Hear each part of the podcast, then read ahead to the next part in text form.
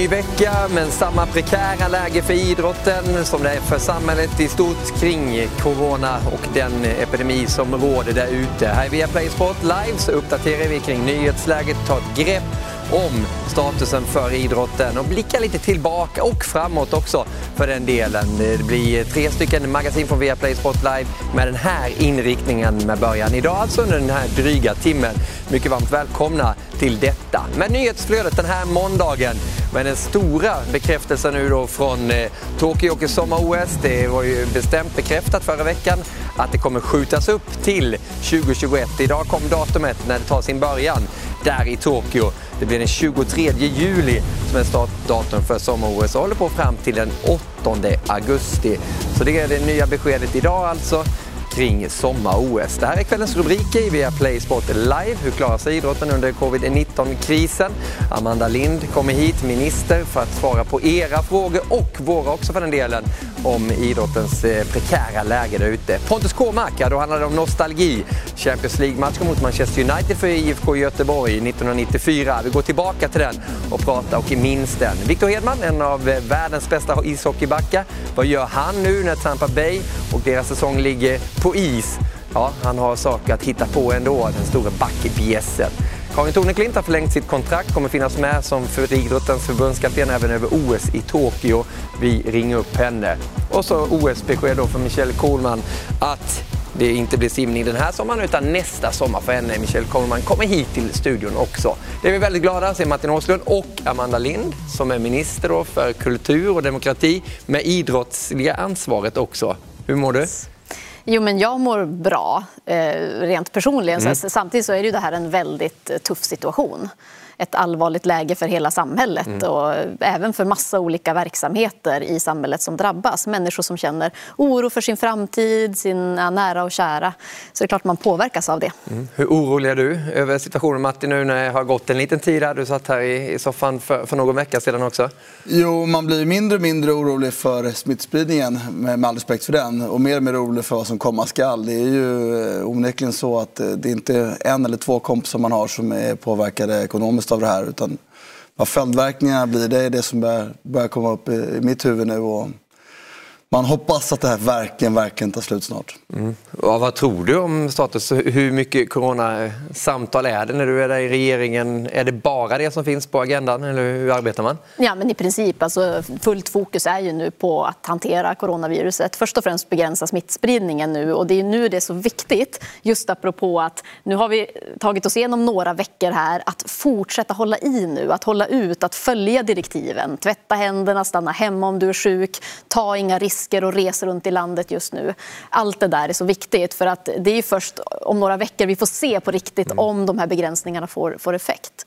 Och sen också såklart då att hantera de ekonomiska konsekvenserna av detta. Och för mm. mig så handlar det mycket om idrotten, kulturen. Mm. Vi tar oss till det ekonomiska just med idrottens fokus och kulturen för den delen också. För det var ju en miljard, det var 500 till kulturen, 500 miljoner till idrotten eh, som ni presenterade för ett tag sedan. Hur kom ni fram till det här?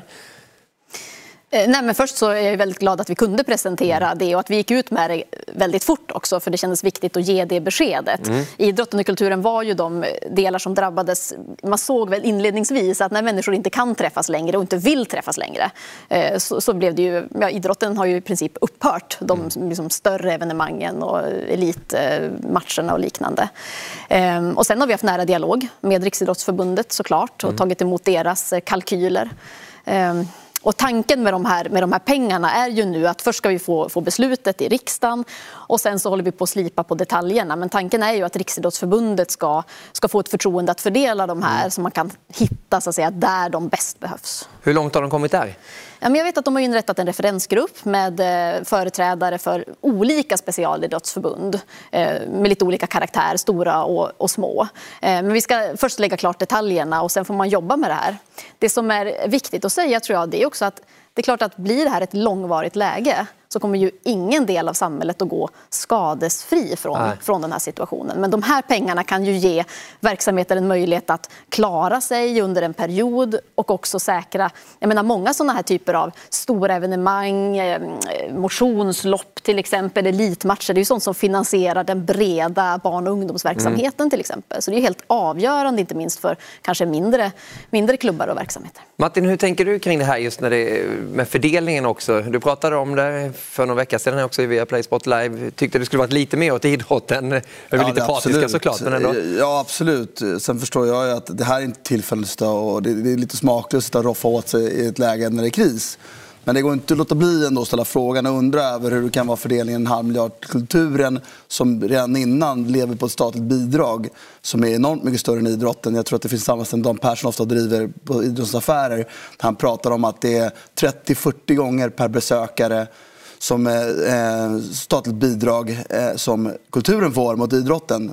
Och om det är så mycket stor skillnad från början och vi pratar om eh, bidrag, alltså intäkt som försvinner för klubbarna eller för kulturen. Men vänta nu, de statliga bidragen har inte försvunnit för kulturen. Hur kan de få lika mycket? Det kan jag inte riktigt förstå. Sen så återigen, det är inte tid nu att och, och, och vara irriterad över att de får det och vi får inte det för det är kris. Men man kan inte låta bli ställa frågan hur det kan landa i lika mycket till kulturen och till idrotten. Oh. När idrotten redan innan är så ja, underfinansierad ja, ja, samtidigt måste jag säga, det är, så, det är helt olika former för de här typen av bidragen och anslagen och helt olika typer av verksamheter också. Vi har, försöker ha både nära dialog med dels ja, med Riksidrottsförbundet vad gäller idrottens förutsättningar och alla olika kulturaktörer på kulturens sida. Eh, det viktiga är ju att vi ser till att steg för steg presentera åtgärder som olika delar av samhället ska kunna ta del av. För idrottens del så kommer ju klubbar och föreningar att kunna använda sig också av många av de andra förslag som vi har presenterat. Sänkta arbetsgivaravgifter till exempel, att staten tar över sjuklöneansvaret, korttidspermitteringar, vilket jag vet att många verksamheter också redan har använt sig Absolut, av. Men och fokus, måste, fokus ju... måste ju vara så att säga hur vi ser till att ge det stöd som krävs för att hela vårt breda samhälle ska klara sig på ett så bra sätt som möjligt. Och det köper jag och jag tycker att det låter vettigt alla de delarna. Men för mig blir det inte det svaret på hur kulturen kan få lika mycket. Och jag tycker att korttidspermitteringarna är en jättebra sak att ta upp. Där liksom elitidrotten då, som finansierar breddidrotten sen i slutändan. Eh, där man pratar om, det är så en liten del av, av kostnadstäckningen man kan få genom den. Så den hjälper ju faktiskt inte i det här fallet. Men, men sen köper jag, det är ju ingen lätt situation att vara i. Och egentligen är inte min vilja att, att i det här läget att föreningen ska använda. Utan jag vill titta mer på den långsiktiga skillnaden där jag tycker idrotten får man pratar om att idrotten då, om man tittar på, man ska raljera lite och jag ogillar att, jag förstår att det inte lägger det här på ansvaret på dig på något sätt men när man tittar på Dramaten får eh, 2000 kronor i bidrag per besökare. Idrotten har 70 kronor per besökare. Är inte själva syftet med statliga bidrag att det ska gå till jämställdhet, jämlikhet, Eh, eh, integration, folkhälsa. Och där kan jag inte liksom se hur, hur den här enprocenten av Sveriges rikaste befolkning ska få subventionerade teaterbesök. Liksom. För mig blir det, smakar det illa. Nu är jag en av de som utnyttjar det här, för jag gillar att gå på Dramaten, jag gillar att gå på Operan. Men, men den frågan är långsiktigt någonting jag verkligen skulle vilja se en förändring av. Det är inte de här anslagen nu i krisläge man ska kritisera, utan det är kanske är någonting som du borde svara på långsiktigt istället. Ja, jag vet inte. Samtidigt så tänker jag att kulturen i vårt samhälle består av allt från föreningar, enskilda, firmor, kulturaktörer som, som kämpar hårt runt om i hela landet för att sprida kultur. Mm. Sen har vi de regionala institutionerna, vi har de statliga aktörerna eh, och den här bredden, det är det som skapar förutsättningar för den rikedomen. Precis som inom idrotten också, att vi har välbeställda klubbar som får stora sponsorpengar till exempel, eh, som har, får möjlighet med den typen av finansiering. Och som sagt de små klubbarna som, och föreningarna som skapar skapar möjligheter till, till, till den elit vi också har.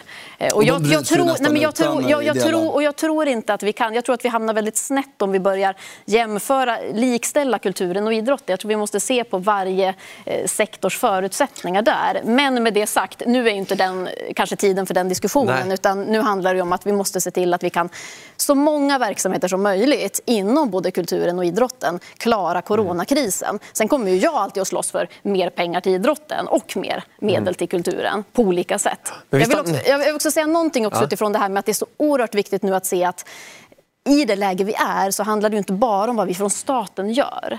Alltså jag kan ju bli dels väldigt, väldigt glad åt när jag ser eh, supportrar som köper tomma stolar till sina lag, Verkligen. sponsorer som går in och täcker upp och också såklart kommuner och regioner som har ett ansvar. Och det är viktigt att säga. Vi, mm. måste, vi måste göra det här tillsammans för att, eh, för att så många delar som möjligt i vårt samhälle det måste man säga. Jag håller helt med om det. Jag tycker mm. att många klubbarna har varit väldigt duktiga, spelarna också, så många av klubbarna som har gått med på de här lönesänkningarna. För det ska man också bära med sig. För att en stor klubb som Tar vi en eh, Malmö FF till exempel, inom fotbollen, så att de ska få statliga bidrag för korttidspermitteringen. Det täcker ju noll kronor av deras lönekostnader, för det är bara upp till 44 000. Och de har en snittlön på 150 000. Mm. Så då måste de få hjälp av spelarna. Så jag håller helt med. Vi måste alla bidra, så det, det, det, är jag helt med på. Men det är svårt att inte ställa frågan när man får tillfälle. I Nej, det är bra. Det och krona för krona kan man aldrig jämföra, det fattar jag också. Men... Men vi stannar kvar vid mm. just idrottsbiten och det som är negativt. Man kunde läsa idag, bland annat i eh, Sportbladet, om Helsingborgs IF i Skåne det också. Det här, vår elitlicens, är rökt redan innan allsvenskan har kickat igång. Då. Framflyttad eh, just nu då till juni så är man alltså minus 17 miljoner kronor och kommer inte klara elitlicensen då och eh, läget är akut för Helsingborgs IF. Vad känner du när du, när du läser och hör något sånt här? Nej, så här alltså, tidigt nu? Ja, nej, men det är ju den bild vi, vi ser såklart. Och sen kan man ju säga att eh, elitlag och liknande kan ju hamna av olika skäl i ekonomiska situationer mm. som är tuffa för dem. Eh, men, men som det är nu, att, att all elitidrott i princip är nedstängd. Ja. Alla de evenemang, alla de matcher som skulle ge intäkter för att eh, finansiera långsiktiga satsningar eller få verksamheten att gå runt eh, totalt över året. Eh, det är klart det är ett helt exceptionellt läge. Mm. Men hur ska man göra för att kunna rädda det här? Nej, men igen, alltså, dels så, ja, det finns den här med halva miljarden som ja. ska gå till idrotten som vi kommer att så snabbt som möjligt försöka få ut. Eh, sen har regeringen också tagit ett antal beslut som, som mer går åt näringslivet brett. Och där kan ju såna här eh, klubbar och föreningar också ta del av ett antal av de åtgärderna. Mm. Men om man tittar på det som Björn Eriksson som var väldigt glad över de pengarna som blev fördelade till idrotten också. Ordförande i RF som han är, han var på besök här också och pratade om den här gruppen, referensgruppen som skulle fördela pengarna också. Men om det skulle bli eh, akut då att det behövas ännu mer pengar som behöver skjutas till, eh, finns de pengarna? Men det jag har sagt är ju att det här är ett bra första steg. Det kommer mm. att vara viktigt. Blir det här en långsiktig situation med coronavirus, att vi inte får bukt med smittspridningen, det är klart jag kommer att ha fortsatt nära kontakt med Riksidrottsförbundet och följa utvecklingen. Eh, det är därför det är så oerhört centralt nu att vi alla gör vad vi kan för att få bukt med den här smittan. Det är ju ja. det som kan oroa mig Eh, på sikt. Det är ju att det här blir en långvarig situation. Och det kommer att påverka idrotten eftersom att det bygger på att man, man träffas och, och gör saker tillsammans i stora grupper. Och det vore katastrof. För att vi pratade just om det innan här. Att, att barnen fortfarande kan spela fotboll, de kan röra sig och sådana saker. Det, det ska vi vara väldigt glada för. Alltså, inte minst för att det är en slags frid i hemmet, att de får springa av sig lite energi. Som, ja, som men blir du liksom lite chockad när du läser det om Helsingborg redan nu, Martin? Du som följer fotbollen ja, Ska man ta det specifika fallet så är det ju dels en bekräftelse på att de satte illa till med eget kapital från början. Eh, sen ska man också ha klart för sig att elitlicensen är inte ett krav på överlevnad. Det är ett krav för att få spela fotboll i Allsvenskan. Mm. Jag gissar att, att den nämnden har en anledning att se förbi de kraven i exceptionella lägen som det är nu. Jag kan inte hur, de, hur det är författat, de, de, de reglerna de ska följa. Men sen är det ju då, det ska också, Helsingborg är en av de klubbarna som satt dåligt till från början. Deras beräkningar bygger ju också på att det inte alls ska komma igång som det kan bli ut. Och då, då, då är jag också förhoppningar om att det kommer mer pengar. För det ska vara klart för oss att pengarna, den halvmiljarden räckte väl bara till april ut eller vad mm. det var. Så det, det kommer krävas mer pengar. Och då är Helsingborg absolut en av de klubbarna som behöver de pengarna. Mm. Nu kanske Helsingborg inte är den klubb som ska skrika mest om det, som ändå blivit räddad av kommunen ett antal tillfällen. Utan det kanske finns andra klubbar i Sverige som man kan tycka mer synd om. Hur menar du då? Nej, men har man, ja, det är, nu kanske jag går, eh, skjuter lite över huvudet där, men Helsingborg hade ju en enorm kris med 2000-talet när de blev helt enkelt, då är det kommunen som räddade Helsingborg, skattebetalarna som räddade Helsingborgs IF, inte klubben i sig. Ja. Men det är en sak som är gemensamt för alla. Vi saknar idrotten väldigt mycket. Den elitidrott som nu då eh, är lagd på paus under coronakrisen här. Och det är inte bara vi som gör det, det är även samma sak ute på stan skulle jag vilja börja med att fråga, vad saknar du mest med sporten? Eh, rivaliteten tror jag, framförallt. Det är liksom rätt kul när man rivaliserar liksom mot andra. Det är framförallt det tror jag. Jag saknar att Formel 1 och Indycar inte går på tv just nu. Det är en ångestskapande upplevelse att inte få titta på det. Hockey skiter jag fullständigt i. Ursäkta, jag är inte så intresserad av ishockey. Eh, jag ska springa Stockholm Marathon i början på juni, eller sista maj är det väl. Och jag saknar den löpargruppen som jag brukar springa med. Så att, eh, och sen saknar jag också, jag tror inte att det kommer bli någon Stockholm Marathon så att eh, det är synd. Ja, det är väl fotboll. Det är väl det mesta utav. Ishockey är väl också lite, men fotboll mest. Jag saknar allsvenskan. Hammarby. Det är det jag saknar allra mest. Och sen, vi brukar mycket se på mycket italiensk fotboll och så. Så det saknar jag också. På tv alltså. Ja.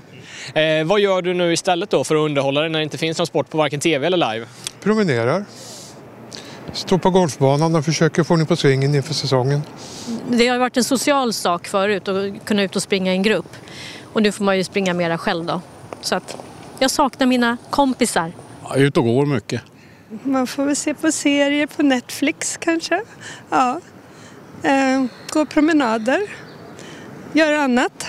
Gå på Friskis kanske. Och sitter hemma, gör inte så mycket. Förut kunde man kolla på fotbollsmatcher liksom.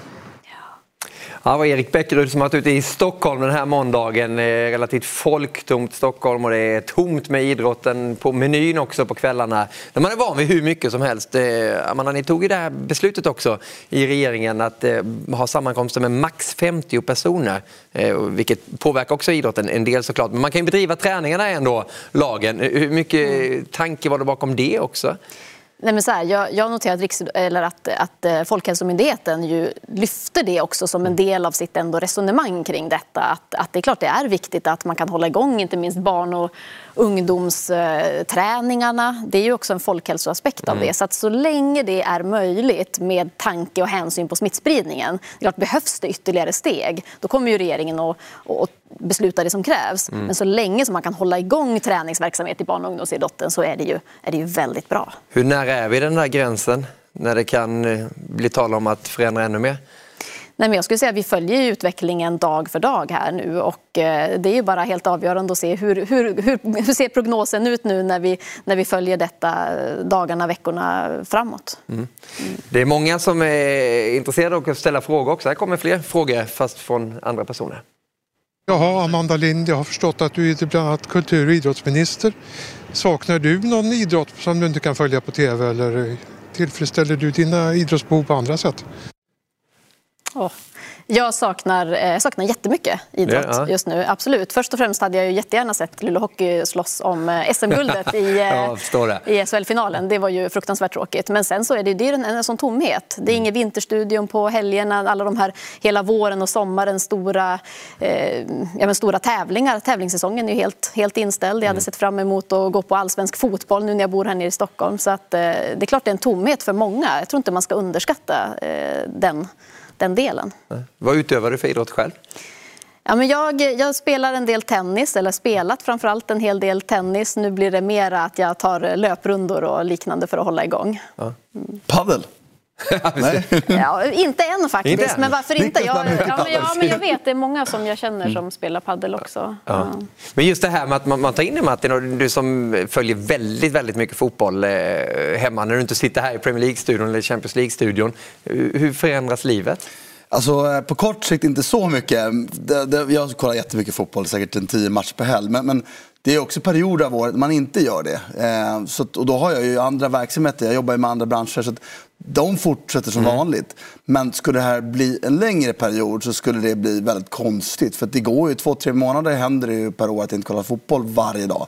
Men eh, det är klart att när den perioden är slut då infaller sig Jag förstår inte vad den abstinensen, liksom, vad den ska ta vägen. Och jag också, för mig är det en meditativ eh, effekt jag är ute efter. Sitta och kolla fotboll själv hemma, det är ju bland det bästa jag vet för att gå ner i varv. Ja. Så att jag blir ännu mer hyper än mig just nu. ja, det var. Den är igång snart får vi hoppas. Eh, det är även frågeställningen till Amanda. Eh, jag undrar hur lite mindre idrottsklubbar ska klara sig rent ekonomiskt under den här svåra perioden. Mm. Ja, bra fråga, väldigt intressant fråga också. Mm. Vad har du för svar där? Nej, men först kan jag säga ändå att det här akutstödet på 500 miljoner som vi tillsköt, det har vi ju sagt också att, att såklart ett, ett huvudsyfte med det, det är ju att vi ska se till att bredden kan klara sig, att klubbar runt om i landet inte ska gå under av detta, där man kanske har varit beroende av intäkter för en match eller ett, eh, ett särskilt evenemang för att, klara sin, mm. Eh, för att klara sin verksamhet. Men sen tror jag också det är viktigt att säga att här, här måste alla sluta upp nu.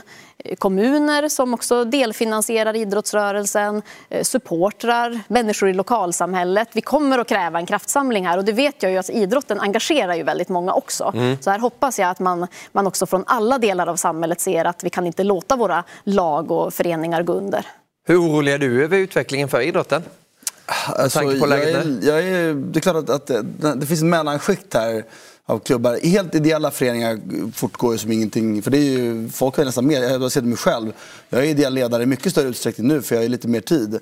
Eh, men däremot så finns det ett mellanskikt av klubbar som Amanda nämner som är beroende av lite publikintäkter. De tar nog mest stryk just nu på korta perspektiv. Sen är inte jag så orolig för idrotten på lång sikt. Den, den överlever allt där. Det är klart att det kommer drabba personer inom idrotten. Men idrotten som helhet slutar inte för att det här inträffar. Utan den uppstår ju alltid igen. Så det är jag inte så orolig för.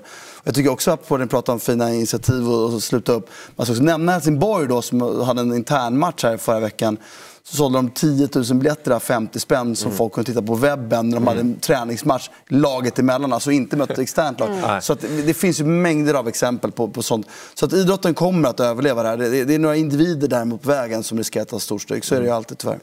Men du avslutningsvis eh, Amanda, om man bara tittar på idrotten då, nu äter, sover vi och andas idrott konstant då, en stor del av våra liv. Och många där ute, det är tre miljoner medlemmar i RF eh, av 10 miljoner svenska invånare. Varför finns det inte en idrottsminister? Varför kan du inte bara vara idrottsminister? Googlar man på det så är det demokrati och det är kulturminister med ansvar för de idrottsliga frågorna. Hur tänker men så här, ja, men så här, idrottsministern har alltid legat ihop med någon annan ministerpost. Och jag tror att grundskälet är att vi har en självständig idrottsrörelse i Sverige som är ganska mycket självgående. Jag är osäker på om idrottsrörelsen skulle vilja ha en idrottsminister på heltid för då kanske man är inne och går in lite för djupt i vad idrotten själv sysslar med. Men sen vill jag säga ändå att, att jag ser ju min uppgift som idrottsminister som, eh, som väldigt viktig och liksom, det tror jag att alla som har varit idrottsministrar också har, har sett. Jag vill bara säga en sista fråga. Som, eftersom jag då, även om du inte helt håller med mig, så tycker jag att idrotten får en alldeles för litet anslag sett till vad den borde få, sett den nytta de gör för samhället. Är det för att idrotten är för dålig på opinionsbilda? Eller vad, vad, vad skulle det, vad ett svar på sån vara? För att just att vi inte har någon vi är så starka på egen hand och sköter oss själva lite så att vi nästan inte har varit duktiga på att berätta att vi behöver eller vad vi gör. Är det det som är anledningen? Eller är jag helt ute och cyklar med att vi ens ska ha mer pengar? Eller? Nej, men så här, det är säkert så att det finns möjlighet till mer pengar eller att det finns ett behov av det. Men jag ser ju att eh, åtminstone den regering som jag ingår i nu håller idrotten och idrottsrörelsen oerhört högt. Både det man gör för breddidrotten, för vår fantastiska elitidrott. De här sakerna skulle inte existera utan varandra. Och också för att man är Sveriges största folkrörelse. En demokratifostrare brukar man ju säga att faktiskt idrottsrörelsen är. Mm. Och där kan jag vara bekymrad över att inte det som kanske handlar om idrottens finansiering utan det här hur når man ut till fler, till alla de barn som står långt ifrån idrotten idag. Eh, att vi tappar folk i engagemang och sådär. Och det är klart att där behöver både politiken och idrottsrörelsen själv fundera tillsammans. Vad skulle vi behöva göra för att faktiskt lyfta det här till nästa nivå tillsammans? Men det är en diskussion som vi också har. Men jag, ja. jag tror inte att en renodlad idrottsminister skulle kanske lösa det. det. Har du velat vara en renodlad idrottsminister? Eh, nej, men igen, jag är osäker på om det skulle vara bra för idrottsrörelsen med en eh, minister som enbart ägnade sig åt eh, idrottsfrågor i det läget vi har med en självständig idrottsrörelse mm. och med kommunerna som också har ett stort ansvar för mm. idrotten. Det är ju där mycket beslut fattas kring anläggningar, kring finansiering, kring hur man samverkar med skola mm. till exempel. Men, men, men jag och regeringen ska ju underlätta så mycket som möjligt för, för detta och vi har stora utmaningar framför oss. Mm. Tack så jättemycket för att du tog dig tid. Jag gissar att du har 502 missade samtal med mobilen där ute nu så vi ska släppa iväg dig Amanda i eh, det här programmet via Play Sport Live där vi går vidare och uppdaterar er kring läget i fotbollen, framförallt den ligan vi bevakar mest, Premier League. Spekulationerna om och när den återstående delen av Premier League-säsongen ska återupptas är i full fart och i brittisk press rapporteras det nu i att ligan som tidigast kan starta i början av juni. Upplägget för de nio återstående omgångarna skulle i så fall påminna om ett mästerskap där ett x antal arenor står som värdar samt att lagen bor isolerade på diverse basläger för att minska risken att smittas av coronaviruset. Skulle inte årets Premier League-säsong spelas klart kommer det att bli en kostsam förlust för ligan. 750 miljoner pund, drygt 9 miljarder kronor i förlorade tv-intäkter väntas en inställd säsong kosta enligt brittiska The Times. Samtidigt skissar Uefa upp planer på att avsluta den nuvarande säsongen runt om i Europa senast i augusti. Det här för att minska de ekonomiska effekterna som coronautbrottet har på fotbollen. En konsekvens av detta blir att komprimera nästa säsong genom att dra ner på antalet landslagsuppehåll och inhemska cupmatcher. Johan Kücükaslan med uppdateringen här kring eh, Premier League och Victor Nilsson Lindelöf och de andra som också de då bara väntar på att springa ut på de här gröna gräsmattorna och nio och kan göra det fram till augusti. Alltså. Hur, hur tänker du kring just eh, hur ligorna skulle kunna avslutas Martin? Alltså jag ser det som en nästan eh, utopi att de inte kommer slutföras. Eh, då, ska, då ska verkligen läget i Storbritannien bli italienskt om de ursäktar. Mm. Eh, angående corona och kanske ännu värre för det står dels så mycket pengar på spel, dels så mycket rättvisa på spel. Det är, inte så, alltså, det är ju otroliga intäkter i nästa säsong i form av Champions League-spel, uppflyttning, nedflyttning. Det finns liksom inget bra sätt att lösa den utan att spela färdigt. Så att min gissning är att man, eh, inte relativt snart, det låter fräckt att säga nu, mm. att man börjar spela eh, matcher utan publik, det känns ju givet. Man isolerar lagen, de spelar kanske alla, alla bor på hotell i två månader som under ett mästerskap. Och så spelar man matcherna tills det här läget mm. liksom har ebbat ut. Och bara under helt kontrollerade former. För man måste också komma ihåg att publikintäkter står för 7% av just Premier Leagues intäkter mm. för klubbarna tv-rättigheterna är väldigt mycket större. Och även om tv-rättigheterna var värda mindre jämfört med publikintäkterna så just nu har de inga intäkter på det. Nej. Så att, att, spela färdigt, det, det kommer att göras. Det, det ska något extremt till att de inte ska bli göra det tror jag. En av ligans största stjärnor, Harry Kane, Tottenham-anfallaren, landslagsman i England också, var ute i BBC och sa att han inte tyckte man skulle spela till augusti utan man skulle då fokusera på att komma igång med den nya säsongen. Hur tänker du kring det uttalandet? Alltså jag förstår att Tottenham vill det som hans roll på ja. ut ingenting. Men, men eh, nej, det är, alltså det, här, hur ska man fundera? Att kora en, en, vinnare av en liga som inte har spelat färdigt är ju ingen vinnare av en liga. Alltså det, för mig är det ofattbart. Och då är det det minsta problemet. Jag återkommer till det här att en plats i Champions League är värt så otroligt mycket. Du kan inte sluta med den nu. Liksom. Du kan inte, en uppflyttning, ska, ska Leeds inte flyttas upp nu då för att de inte spelat färdigt? Eller ska de flyttas upp? Ska, ska Aston Villa åka ur fast de inte har...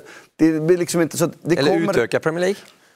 Ja, det, det, är klart att det finns nödlösningar men det löser ändå inte alla nyckelfrågor. Jag tror att det kommer att spelas färdigt. Jag tror att man kommer att spela för stängda läktare. Jag tror att man kommer att spela isolerat för att man måste göra det. Och jag tror inte man är klart sista juni. Och jag tror inte att de värdesätter det lika mycket som Harry Kane gör. Utan jag tror lätt att de juridiskt löser det här med avtalen. Får jag löpa vidare in i, i, i juli, kanske till med augusti. Och så, så får, man, får Uefa ge upp några av de här landslagshelgerna. Mm. Under, så blir det en komp mer komprimerad nästa säsong. Det finns liksom inget riktigt bra svar. Men skulle det bli värre, det kan vi inte utesluta i nuläget, så, så ja, då, då, då, kommer ju säsongen ställas in. Då finns det ju inget annat val. Men det, då kan man inte kora någon vinnare någonting. Och vad man gör då, det törs jag nästan inte ens tänka på. Så. Nej, eh, man kan tänka på annat eh, under tiden. Eh, det är paus då med fotbollssäsongen precis som all övrig sport. I stort sett så väljer vi att återvinna Eh, och vi gör det ju med Premier League på lördagar, ni koll på 15.30. Nu även då med Champions League, onsdagar kommer bli tiden 20.00. Och först ut då så kan ni följa IFK Göteborg från 1994, mötet med Manchester United 1994. Det var en härlig tid, man minns ju det här Martin. Vad säger du om att återvinna den här matchen? Ja, det känns ju fantastiskt att få se gamla fotbollsmatcher och anledningen ja. att se en fotbollsmatch. Det gör man ju inte alltid annars. Och du plockade ju samtliga spelare i IFK Göteborg så här när du såg dem innan? Ja, jag mötte ju typ alla de här året efter. Det var väl någon som har flyttat utomlands, men i stort alla spelade ju kvar året efter när jag spelade mina första allsvenska matcher. Och det står en och stretchar lite speciellt där och är lagkapten. Honom kände jag inte igen. Han var så smal och smärt där. Vara. Din expertkollega var ju med där och då på Ullevi och hamnade i centrum, precis som man gör nu i Viaplay Sport Live den här kvällen. Varmt välkommen Pontus, eh, hur är läget med dig? Det är bara bra, det blir en glidtackling på Martin här sen också efter den kommentaren. Ja, ni saknar varandra ni också Pontus är mer vältränad än någonsin ska jag säga, ja. så det var ett skämt. Sannerligen. Du, hur tillbringar du dagarna nu Pontus? Ja, det är inte mycket va? Jo då, det, men det, det är väl jobb och så som, som vanligt. Än så länge har inte vi stängt igen. Man har ju ett riktigt jobb också, ett vanligt jobb eh, på sidan om. Så att, ehm, ja, det är fullt upp med det bara. Och sen försöker man träna lite på kvällarna eh, då och sådär och försöka hålla sig undan från folk och sköta hygienen och lite abstinens har man väl men det finns ju lite retro, Rami Shaban och, och kompani såg man ju helgen och så vidare så det, det har varit kul att ändå se lite, lite gamla matcher också. Men du Pontus, eh, ta oss tillbaka till den här tiden i Göteborg som ju egentligen var startskottet då på din seniorkarriär. Mm. Och det där mötet med Manchester United, men framförallt det blåvita laget. Hur skulle du vilja beskriva det? Det var, vi hade väl en fördel på den tiden att man dels att eh, svenska spelare stannade i Sverige och att IFK Göteborg då var ett av de ledande lagen och kunde, kunde attrahera kanske de bästa talangerna och att man under tid kunde få spela ihop ett lag som du ser med Ren och Jocke Björklund, Stefan Pettersson, Martinsson, Ravelli, Nisse och även Linkan då. Eh, ja, lite extra titt på honom då eftersom mm. han gick bort här nyligen eller så då. Men, eh, nej, men det var ett jäkligt bra lag och jag tycker även många andra klubbar vi mötte, även om vi vann en del SM-guld så tycker jag ändå att det var inte så enkelt hela tiden utan det var många andra lag som var riktigt, riktigt skarpa också. Så det, det fanns, eh, tycker jag, mycket bra spelare i Sverige. Hur viktigt var det för svensk fotboll, det IFK Göteborg gjorde där då, Martin? Det var ju otroligt viktigt. Ehm, att vi, vi eh, dessutom, eh, kanske tack vare ett väldigt bra landslag, eller att vi fick ett bra landslag på grund av det. Det är svårt att säga vad som är hönan läget mm. här, men i samband med det hade vi ju internationella framgångar även på landslagsnivå. Det, det är ju sprunget ur bra klubbfotboll, det är jag övertygad om. Så det, det, var viktigt och det var möjligt då ska vi också säga. För det är ju inte som Pontus själv är inne på här då, att stjärnorna blev kvar hemma. Ja. Eh, och det var bara ett lag från varje land i Champions League som gjorde att det var lättare i alla fall. Men ändå en otrolig bedrift. Så det gruppspelet var ju otroligt. De gjorde hela, hela jag menar, det var inte bara United de mötte, de mötte Barcelona också. Jag vill minnas att Jesper Blomqvist nickade in en boll på utrusande Barcelona-keeper. Men jag kanske minns fel, det kanske var ett annat år. Det var så många år ja, var på min passning, Det var på min passning Martin, så det stämmer. Var det din fel? Ja, ah, det var din. Men du, vi ska inte avslöja... Intränad variant. Intränat. Vi ska inte avslöja resultatet i den här matchen och googla inte det hemma heller. Utan vi går tillbaka till 1994 på onsdag kväll. Men hur var det att ställas mot ett sånt här stjärnlag som Manchester United? Vad var deras status där? Minns du det? Ja, men den var ju hög. Men det, det hände ju någonting med det där med Bosman. Så att om man ska vara lite ödmjuk och um, riktig så är det så att United var ju naturligtvis väldigt bra men det var ju fortfarande med spelare från England. Det var inte att de plockade, eh, ja, hade nio importer och så vidare. Så det kändes ju ändå att man, det var ungefär som att möta England i, i landslaget när man mötte United med klubblaget. Så att det kändes ju ändå inte på förhand som man var besegrade. Så att, eh, sen hade vi varit med ute i Europa och man hade spelat och kampat så att eh, det är klart att man hade respekt för de här klubbarna, Barcelona och United men man kanske var ung och naiv. Man trodde att man hade en chans och det kanske var det som ändå gjorde att vi gjorde bra resultat. Hur vanligt var det att du var straffskytt Pontus? det, det, var inte särskilt vanligt. Eh, ehm, det blev ju så i den här matchen. Naturligtvis när man när man var yngre och spelade i pojklag, då var väl egentligen alla vi som kommer upp i A-lag, alla var väl straffskyttar i sina ungdomsklubbar. Men jag vet att jag blev själv lite förvånad inför den här matchen att jag blev straffskytt. Och när vi då dessutom får en straff.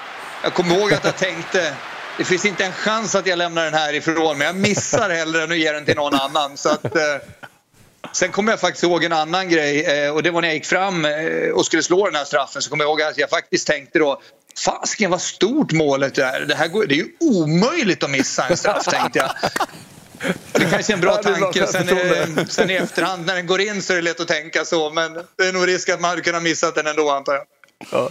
Just med, med, med, din karriär Martin och Champions League, det är ju gigantiskt nu också. Men vad betyder det att följa Champions League för dig? Vi spelade ihop Champions League AIK också, jag och Pontus. Mm. Sen, eh, då var han inte lika smärt och fin som han var nu. Men, nej, men det, det var ju fantastiskt. Det här var ju också starten på en era som var väldigt bra för min period i livet. Så jag var tonåring. Ja. Alltså, det var ju otroligt att få börja se fotbollsmatcher på det här sättet. Så att, eh, och Göteborg hade ju några exempellösa framgångar som inte bara, Pontus var ödmjuk här och, och så att det gick inte riktigt jämföra men trots det var det enastående prestationer de stod för där några år, år i rad. Ehm, så det var, det, var, det var spännande och kul att se, helt mm. klart. Onsdag Pontus, eh, då bänkar vi oss för att följa den här matchen. Eh, Fantastiskt! Eller hur? Det blir häftigt. Ja, det ska bli spännande att se hur det går. du kommer inte ens ihåg att vara med i den här matchen när Thomas Brolin fick sin eh, berömda fotskadade. Så du får friska upp minnet lite. Här. Ja, det är tur att det finns riktiga experter i studion som kommer ihåg mer än man själv. Så det är bra. Ja, bra, vi kan ju i alla fall veta om Han att... kommer ihåg vad han gjorde på kvällen efteråt däremot, det tror jag. Absolut. Ja, gör man mot Manchester United får man ha kul på kvällen. Tack så Sant. länge Pontus och eh, väl mött här senare då. Och sköt om er där nere i Göteborg också. Eh, Champions League-studion Retro alltså. Välkomna till den på Viasat Premium och via Play på onsdag 20.00. Och sen på lördag så är det Premier League-retro då också. Soffan hålls varm med fotboll ändå. Tack så mycket Martin för att du kom hit också. Tack själv. Och sköt om dig eh, och eh, ta hand om dig också. Så ses vi snart igen. Där vi växlar spår från fotboll till ishockey. Och karantänläge är det ju för väldigt många NHL-spelare. En del har tagit sig hem till Sverige. En del är kvar där borta i Nordamerika. I Tampa Bay så är en av världens främsta backar, Victor Hedman, får inte spela ishockey nu. Han har andra uppgifter istället. Ja, här har vi Porsche, den vita, och här har vi Scout. Det är två valpar från uh, Humane Society som uh, jag och min fru har jobbat mycket med de senaste åren.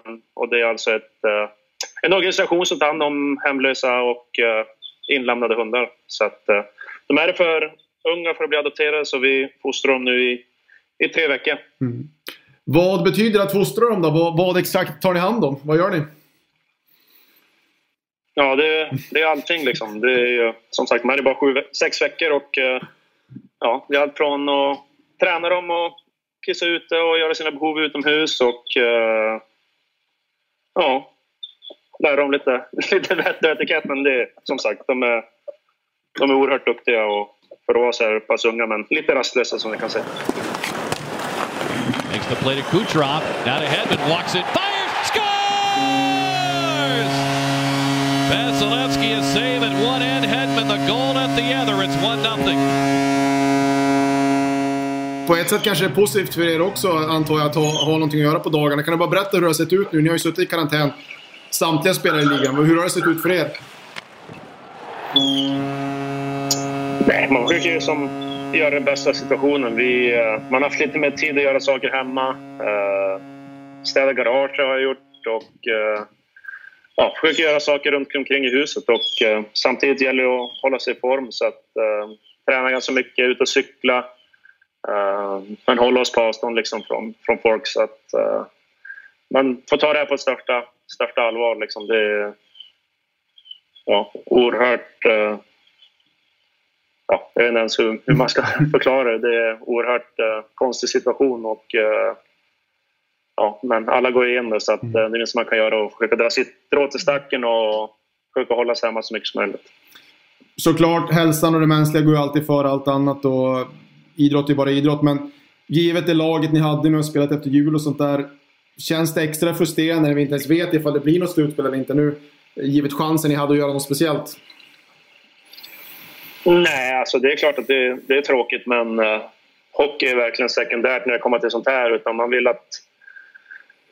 Ja, fokus måste ju ligga på att, uh, att uh, få bukt på det här liksom. Och, som sagt, jag tror inte att det är många i den här ligan som funderar de banorna. Utan det är klart att, att vi vill spela hockey och vi vill ha chansen att vinna Stanley Cup. Men det är verkligen, verkligen sekundärt i, i, i sådana här förhållanden. Så att, just nu kan vi bara, som jag sa tidigare, försöka dra vårt strå till stacken och, eh, och göra det bra här hemma och, och se till att uh, hjälpa till att få, få bukt på det här så mycket som möjligt.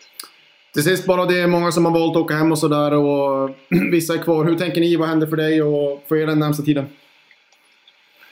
Nej, vi, såklart. Vi, vi längtar ju hem också. Liksom. Man vill ju vara sin, nära sina familjer när sån här sak händer. Men eh, som sagt, det, det, är inte bara heller att ta sig hem. Liksom. Det, är, det är en process i sig så att uh, det gäller att man är säker på att, uh, att det kommer att gå bra. Liksom. Så att, uh, just nu sitter vi lugnt i båten här borta och ja, vi får se hur, hur det ser ut längre fram. Men som sagt, just nu så, så sitter vi här och, och inväntar om, om, det, om det händer någonting mer så att säga. Men det är såklart att vi längtar hem till våra familjer och vänner hemma i Vik. Mm. Och så har du valparna att underhålla, med, underhålla med till dess. Precis, de är lite trötta nu så att eh, uh, få, får se till att vi fortsätter göra ett bra jobb med dem. Jonathan Lindqvist här med hundvännen Victor Hedman som garanterat kommer se den här Champions League-retromatchen med IFK Göteborg Manchester United från 1994. Stort Manchester United-fan är han, Victor Hedman. Men hockey, det är hans sport och vi pratar om den imorgon via Plays Hockeypodd förvandlas till tv-mässigt också, vilket vi är väldigt eh, stolta över. 18.00 på Viasat Sport Premium och via Play kan ni ta del av podden i rörligt format, alltså tillsammans med Erik Granqvist, Rickard Wallin, Håkan Södergren, Jonathan Lindqvist och Erika Karlsson. Och Erik Granqvist, du har redan börjat ladda upp där nere i Ängelholm ser jag. Hur, hur är läget med dig?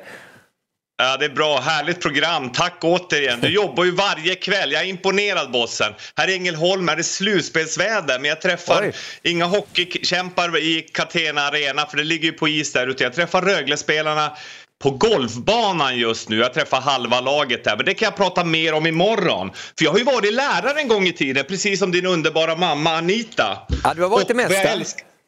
Och jag älskade med det var att skriva låt stå på tavlan så inte någon kommer att städa bort det. Men vad jag också älskar är ju att vi kör via Plays Hockeypodd imorgon klockan sex. Och att vi ska gå tillbaka. Det är dåtid, det är nutid och det är framtid. Och när vi går tillbaka nostalgiskt, då är det 96 Foppa. Peter Forsberg i finalen. Han tangerar ett rekord där vi ska prata om. Mot John Van Beesbrook, målvakten som käkar chips i pauserna. och också en tillbakablick till den stora guldkaptenen med den lilla, lilla klubban. Det är kung Kronvall som kommer och förgyller Hockeypodden imorgon. Och sen kommer ju kapten Wallin ner i nutid i världens bästa hockeyliga. Vilka är de tre bästa backarna just nu? Och jag får lista vilka artister jag saknar som mest just nu.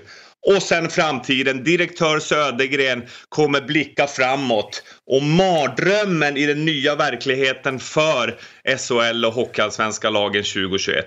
Och sist men inte minst Niklas. Grattis Valentina Lisana Wallner. Den mästerliga målvakten som nu är fenomenal coach. Expertkollega till oss. Hon fyller 30 år. Hipp hipp hurra! Ja, det är underbart. Det är klart vi säger grattis eh, till eh, Valentina där också. Och framförallt då intressant att eh, träffa Staffan Kronvall. Erika Karlsson har gjort ett reportage med honom. Nio säsonger i Ryssland. Det är ju lillebror till Niklas Kronvall som ju blev en stor stjärna i NHL i Detroit, jobbar ju vidare där. Staffans val, hur ovanligt är det där Erik? Ja men det är tjäna enormt mycket pengar där borta i KL kunde inte färga in i NHL men var en stjärna i KL. Lagkapten, vann eh, bästa gentleman där. Han vann ju VM-guld med Tre Kronor 2013 med bland annat bröderna Sedin och Jonas Enroth i laget. Och nu får vi prata och hylla den här killen. För jag har sagt det för Svenska Hockeyförbundet skulle kunna göra en, en bok, en film om bröderna Kronvall. Hur man ska vara för att vara en schysst lagkompis och en hockeyambassadör för svensk hockey. Du är alltid positiv och glad Erik, men jag ser att det gått väldigt bra på golfbanan idag för dig. Inte bara att du är solbränd utan eh, humöret är verkligen sprudlande. Eh, om du tar med dig det här positiva och blickar lite framåt och ge oss procentsatsen för att få se lite mer ishockey den här säsongen i NHL som ju bara är uppskjuten än så länge. Alla andra hockeyevent är ju inställda för säsongen. Vad ger du för eh, möjligheter? Ja, sist vi pratade i Viaplay Sport Live förra veckan så sa jag under 10 procent. Och nu har det gått en vecka och nu är jag under 5 procents chans. Men hoppet lever. Alltså jag, jag, There is a chance som Jim Carrey sa i Dum och Dummare och det finns fortfarande att Stanley Cup kommer igång någon gång i slutet på sommaren och vi får kora en mästare. Men just nu är det St. Louis Blues som är mästare. De vann ju förra säsongen.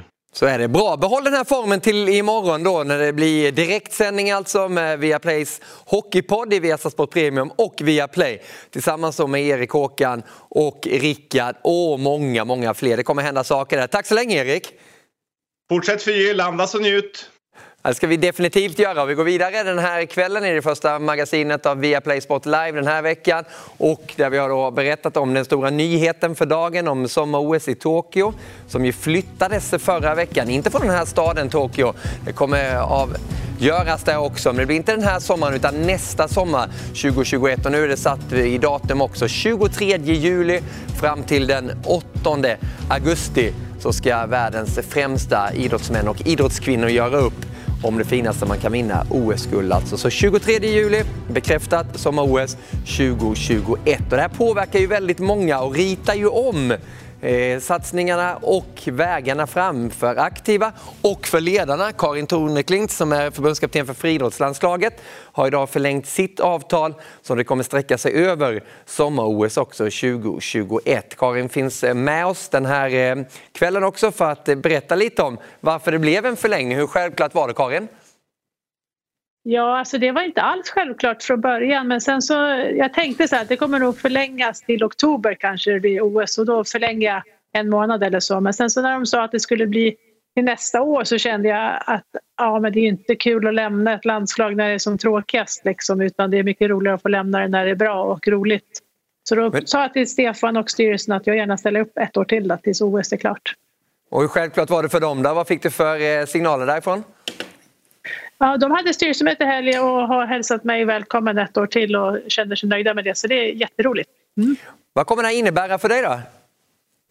Ja, det innebär att jag eh, får eh, jobba ett år till med friidrott som förbundskapten vilket är fantastiskt roligt och eh, det känns jättebra och jag får vänta med att hitta på något nytt sen ett år senare.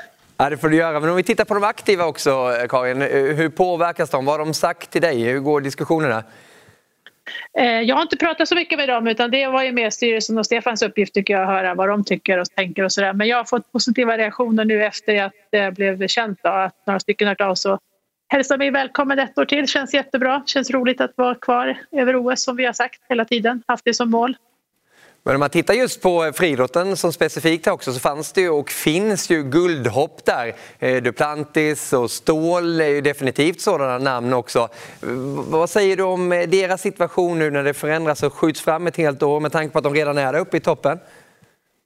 Ja, alltså bägge två har många, många år kvar. De kan nog vara med även när det blir OS i Paris tror jag om om fyra år. Så att för dem är det ingen panik utan de kommer hålla på länge med det här. Och nästan alla i landslaget känner jag kan hålla på väldigt länge till så det är inte hela världen att ni skjuter på ett år. Sen har ju några också chansen att bli ett år äldre och kanske bli ännu bättre så det kan också vara positivt i slutändan. Vilka tänker du på då Karin? Ja, vi har ju Tilde som slog igenom med dunder och brak till exempel. Alltså de här unga som kommer som vi kanske inte riktigt har lärt oss känna än. De får ju ett år till på sig chans att kvala. Det ska bli kul att följa. Se hur många som tar chansen. Hur positivt tycker du det ser ut för svensk friidrott just nu? Jag tycker alltid det ser positivt ut. Det finns alltid jättefantastiska som kämpar och sliter och gör ett otroligt bra jobb ute i hela landet. Så jag är alltid optimist. Det är mitt jobb brukar jag säga. Så jag är det fortfarande. Det känns väldigt bra. Eh, man tänker på det här nu att OS eh, skjuts fram ett år påverkar ju kalendern i stort också. Friidrotts-VM flyttas. Eh, din åsikt på det där? Ja, men det var klokt tycker jag. Man kan inte ha både OS och VM samma år. Det känns liksom helt absurt. Det blir som kaka på kaka. Så det är mycket bättre att de flyttar på VM ett år. Så får man ett stort globalt mästerskap året efter OS också. Det passar alldeles utmärkt tycker jag i en kalender. Mm, så det var bra. Så om det, blir, så om det blir dundersuccé i OS så kommer du krita på för ett år till och vara med i VM också? Ja, det, det tror jag inte. Utan då kan jag sluta med att vara nöjd i sådana fall och, och känna att jag har haft eh, ett fantastiska år tillsammans med laget och att någon annan får fortsätta det roliga arbetet. Mm. Tack så jättemycket och eh, grattis till förlängningen av kontraktet då som förbundskapten för friidrottslandslaget, Karin. Ja, tack så mycket som alltså kommer vara med då under OS 2021 eh, som det blir. Och det är en lång bit dit alltså. Michelle Kollman, är väl tanken att du ska vara där och simma ändå. Vad, vad, känner du här nu när du vet ett datum i alla fall över det? Och välkommen hit! Tack så mycket! Jo men alltså självklart som jag tror många har sagt ikväll så är det väldigt skönt att ha fått ett, ett eh, konkret beslut och att fått ett datum att ställa in sig på. Det var mycket osäkerhet innan det faktiskt blev bestämt att OS skulle skjutas upp. Eh, och, eh, nej, det är jätteskönt att eh, veta vart vi ska nu. Men hur frustrerande har den här tiden varit just med tanke på träningen? Då? Jag vet att ni kör nästan varje dag, uh, dag i Eriksdalsbadet. Precis. Ja, men vi tränar på som vanligt. Badet är fortfarande öppet så att våra vardagsrutiner har ju inte förändrats överhuvudtaget. Så det har varit väldigt, väldigt skönt. Eh, sen så har ju alla våra tävlingar blivit inställda, mm. precis som många andra idrottares situationer. Så att det är väl det som har varit svårt att man är ju så himla van att träna mot någonting och plötsligt så har man inte de här närhetsmålen som man har haft innan utan eh, ja, man vet inte riktigt vart, eh, när nästa tävling blir. Och det har varit lite frustrerande. Ett år är ju lång tid, Mm. men ett år som elitsimmare, hur Ja. lång tid är det? Alltså jag hade inte tänkt att lägga av med min karriär efter eh, Tokyo utan jag hade ju tänkt att fortsätta. Så Mm. för mig så, så eh, det är klart det är jättetråkigt men det är inte som för vissa idrottare som kanske hade planerat på att eh, gå i pension om man kan säga så Mm. efter OS. För de kanske blir ett lite större åtagande att fortsätta. Men, eh, nej, men jag tycker bara det är härligt att vi får chansen igen. Jag är glad att de inte ställde in Ja. framför allt. Just den här gruppen, Sara Sjöström, är Mm. ju där också och tränar med dig. Vad har åsikterna varit från de övriga? Ja, men det har varit en ganska lättsam stämning i vår grupp. Folk har varit positiva och vi har inte lagt allt för mycket energi på det faktum. Utan eftersom våra vardagsrutiner har fortsatt som vanligt så tror jag att vi, ja, vi har bara rullat på och försökt hålla den träningen uppe som vi kan. För att det är många länder som sitter i karantän och Mm. som inte har kunnat träna så vi får väl försöka se det som ett litet försprång. Hur ser du just på det här att ni får dyka i bassängen eh, fortfarande? Hur eh, nära är det troligtvis att de stänger igen där också om ni inte får den möjligheten? Det är jättesvårt att spekulera. Det kommer säkert... Jag, jag väntar väl i så fall först på att grundskolan skulle stängas ner. För Ja. jag tror inte badet stänger innan grundskolan gör. Eh, men eh, ja, vi får bara vänta och se. Vi är glada för varje dag. Man vet ju inte. Man går upp i bassängen och tänker det här kan vara sista passet. Ja. Men, eh, nej, men det är kul att fortfarande få kunna vara i vattnet och få fortsätta simma. För att eh, simning är ju verkligen en, en känslosport Mm. på så sätt att man måste ha den här vattenkänslan. Hur skulle man träna annars? Har du hört från konkurrenter som Äh, lever i karantän? Ja, eller alltså många lägger väl upp såna här home eh, workouts som är väldigt poppis på sociala medier. Men också väldigt mycket cykel och för att få hjärtat att fortsätta jobba. Så det är fortfarande igång. Men eh, nej, som sagt, det är jätteskönt att vi fortfarande kan simma. Mm. Men om man eh, tittar kring det ekonomiska också, med, med en sport som simning så har man ju alltid läst om att man måste vara i den absoluta toppen för att man ska bli, bli rik på den också. Hur jobbigt är det ekonomiskt nu när det inte är tävlingar? Det finns liksom inte prispengarna att eh, simma hem. Nej, och så, så är det ju för många idrottare. Eller vi är ju inte avlönade av kontrakt på samma sätt som kanske ishockeyspelare, fotbollsspelare. Utan vi är beroende av den prestationsinkomst som faktiskt kommer. Eh, och eh, prestationstillfällena har ju försvunnit.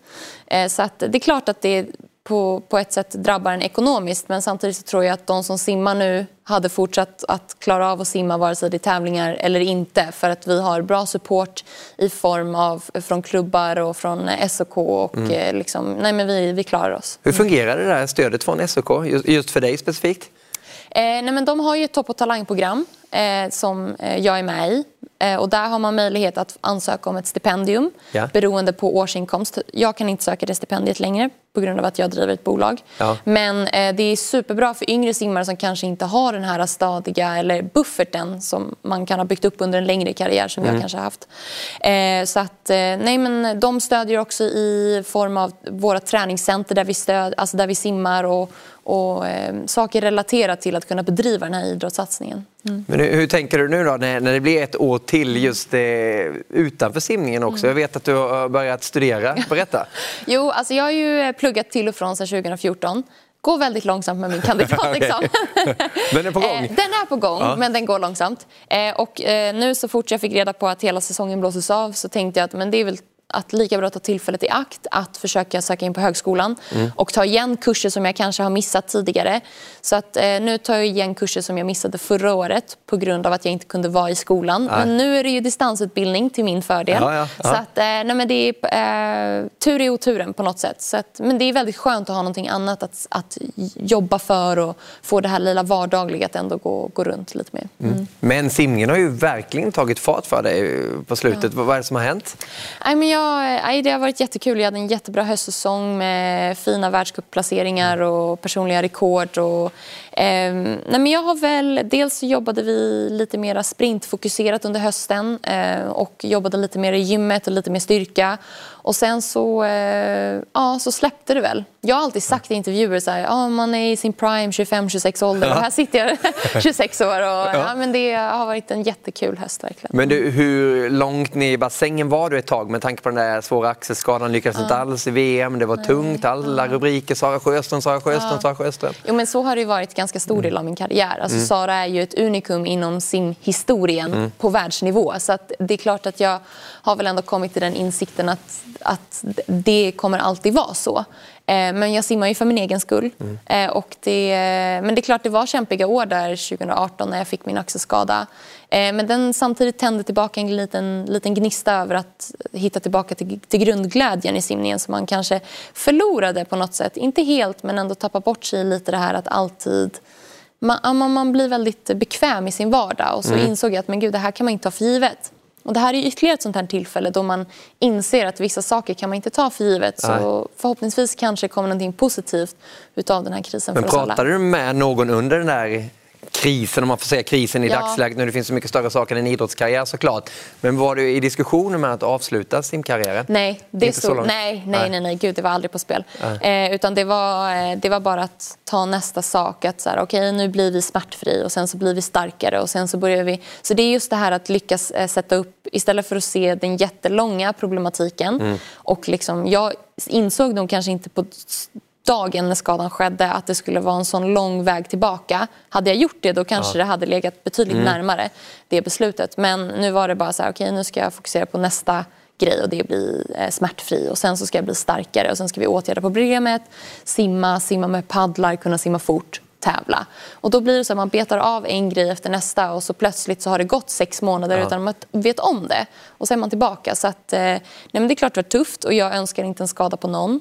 Eh, Men eh, jag har ju blivit betydligt starkare i mina axlar, betydligt starkare i gymmet och det har ju visat sig ganska positivt i mina tävlingsresultat nu. Ja, de har ju varit väldigt, Mm. väldigt eh, bra. Hur mycket har det betytt för dig när du har varit nere? Du har ju varit i Kina också, vi ska komma Ja. in på det om en, en liten stund. Men just resultaten där först. För Ja. Du simmade in mycket pengar och fina framgångar. Ja, nej men det är klart att det är jätteskönt att kunna få belöning för det arbetet man har lagt Mm. ner. Alltså det är, alltså idrott i sig är väldigt kämpigt och simning, det är mycket timmar för väldigt lite tävlingstid. Eh, och eh, det är också väldigt resultatbaserat och eftersom jag kanske inte helt har haft resultaten där jag har velat så har jag kanske inte känt att jag har fått den utdelningen som jag har lagt ner i träningen. Nej. Men det, har varit, det var jätteskönt att få den bekräftelsen och nej, jag har verkligen bara njutit sista tiden. Ja, just det ekonomiska också. Pengar regnar över Coleman i Kina. Just pengarna, tänker man på det också? Att det blivit lite mer som har dykt upp där också i simningens värld? Jo, det har det verkligen blivit. Simningen har tagit ett stort steg upp och blivit mer proffsigt med den här Mm. nya ISL-ligan och FINA har då valt att pumpa in mer pengar i såna här typer av tävlingar. Så att, mm, det har ju, simning har ju blivit mer ekonomiskt lönsamt på sista Mm. tiden. Betydligt mer. Men jag tror inte att man som litet barn börjar simma för att man ska tjäna pengar. Alltså Nej. så här, det är inte en sån idrott utan man simmar för att man tycker att Mm. den sporten är rolig. Mm. Och det tycker jag är ganska viktigt att hålla i, att det är den glädjen som driver en. För tror jag att man blir girig på pengar, då tappar man nog lite fokus. Mm. Men det är klart, det är en kul bonus. Ja, det förstår jag. Ja. Det förstår jag. Det är väl värd också. Mm. Men just med tanke på att det var nere i Kina. Det här var i januari, eller hur? Det här var i januari. Hur mycket ja. har du reflekterat över det här med tanke på eh, coronakrisen som nu råder över hela världen? Ja, alltså jag fick ju, när jag var i Kina så var det folk som skrev till mig på Instagram bara gud jag ska åka till Kina, jag är orolig över det här nya viruset som Mm. är på väg och då hade inte jag koll. Jag bara vadå för virus? Så börjar man kolla så pratar jag med de andra och de bara nej men jag har inte hört det här. Och sen så gick det ju väldigt, väldigt fort efter att vi var i Kina Mm. till att det blev ett stort utbrott i Wuhan och att det blev väldigt eh, internationella nyheter. Mm. Eh, men det var ingenting vi tänkte på där då. Liksom så. Men eh, ja, nej, det hade ju, hela tävlingen hade ju kunnat ställas in om den var lagd nu i mars. Liksom. Mm. Hur tänker du kring allt som pågår ute i samhället nu med det här? Det är svårt att greppa, Ja. tycker jag. Jag tror att det är kanske många som känner så, att det känns eh, overkligt. Det är som det här beslutet med OS och alla de här besluten som har tagits. De är nästan svåra att hantera och inse för att det är så pass stort. Mm. Eh, men jag försöker bara finna mig i min vardag, försöker hitta liksom det här eh, rullet och, och försöka leva på livet så normalt som möjligt och Mm. kanske inte läsa allt för mycket nyheter. Jag är dålig på det, men jag försöker att blocka ut det mesta. Mm. Om man just tittar på OS också, du har ju varit med i två OS tidigare. Hur stort är det att vara med i en svensk OS-trupp? Det är fantastiskt. Alltså det är, efter varje OS har jag känt att det här vill jag göra igen. Ja. Det är någonting speciellt. Och jag är väldigt tacksam över att kunna gjort det två gånger och ser verkligen fram emot att kanske förhoppningsvis göra det flera. Eh, och nästa sommar då i Tokyo. Men, Känner du eh, dig inte säker på det, att vara med i Jo, men OS? jag är ju officiellt inte uttagen i. OS-truppen. Hur kommer det sig egentligen? Det, får du fråga SOK om. Men eh, jag, är inte, jag var inte i VM-final i somras och det var ett av deras eh, kval, eh, vad ska man säga, det är ett av deras kvalregler. Sen Okej. klarade jag alla de tiderna som de har satt upp under världskuppen men jag har fortfarande inte blivit uttagen. Och sen så nu när OS sköts på det så vet jag inte hur de har gjort. Vad, vad spelar det för roll om man är uttagen eller inte? Ja, men jag fokuserar fortfarande på att så här, prestera. Nu blir det ju i juli nästa Ja, år. Så det är fortfarande där fokus ligger. För att, eh, jag ska inte säga att jag ser det som en självklarhet men jag Nej. ser inga annat alternativ för mig själv än att vara i Tokyo nästa sommar. Men du ponera att det hade varit eh, OS nu och eh, världen hade varit problemfri, det kommer det ju aldrig vara, men från Nej. corona i alla fall. Ja. Eh, hur mycket medaljer hade man kunnat eh, förvänta sig att du skulle vara med och simma kring? Alltså det, nu är jag ju lite mer sprintinriktad. Mm. Och i, tar man sig till en sprintfinal, eller vilken final nästan som helst på OS, så allting kan hända. Det är väldigt... Ibland så vinner en ytterbana, det är väldigt snabba puckar, det kan vara väldigt svårt att räkna. Det är mycket stjärnskott som kommer upp på OS, människor som man aldrig hört om innan, unga talanger. Eh, nej men självklart, jag hade ju gärna sett mig själv i finalen på, på 50 och 100 frisim. Mm. Och där kan allting hända. Och sen så tror jag att våra lagkapper hade haft en ganska bra chans. Mm. Och det kommer ni ha också, även fast Ja. det blir 2021 istället. Ja, Vad, precis. vad trevligt att samtala med dig och lycka till med, med träningen och studerandet Ja, också. tack. Eller? Michelle Kollman som vi kommer höra mycket och se mycket av i bassängerna då när det är dags för tävlingssäsong igen. Ni håller ju koll på Viaplay Sport live som vanligt. Eh, Nästa program i magasinsformat det är på torsdag det, men imorgon alltså samma tid 18.00 ska ni följa Viaplays Hockeypodd och på onsdag då blir det Champions League i retro 20.00 här från Viaplay Sport. Och glöm inte bort nu matchen, den här som vi återvinner när det gäller Premier League. Det är Charlton mot West Bromwich. Kanske inte låter sådär jätteupphetsande, men håll koll på det här nu från 2005 på Viasat Sport Premium och Viaplay alltså.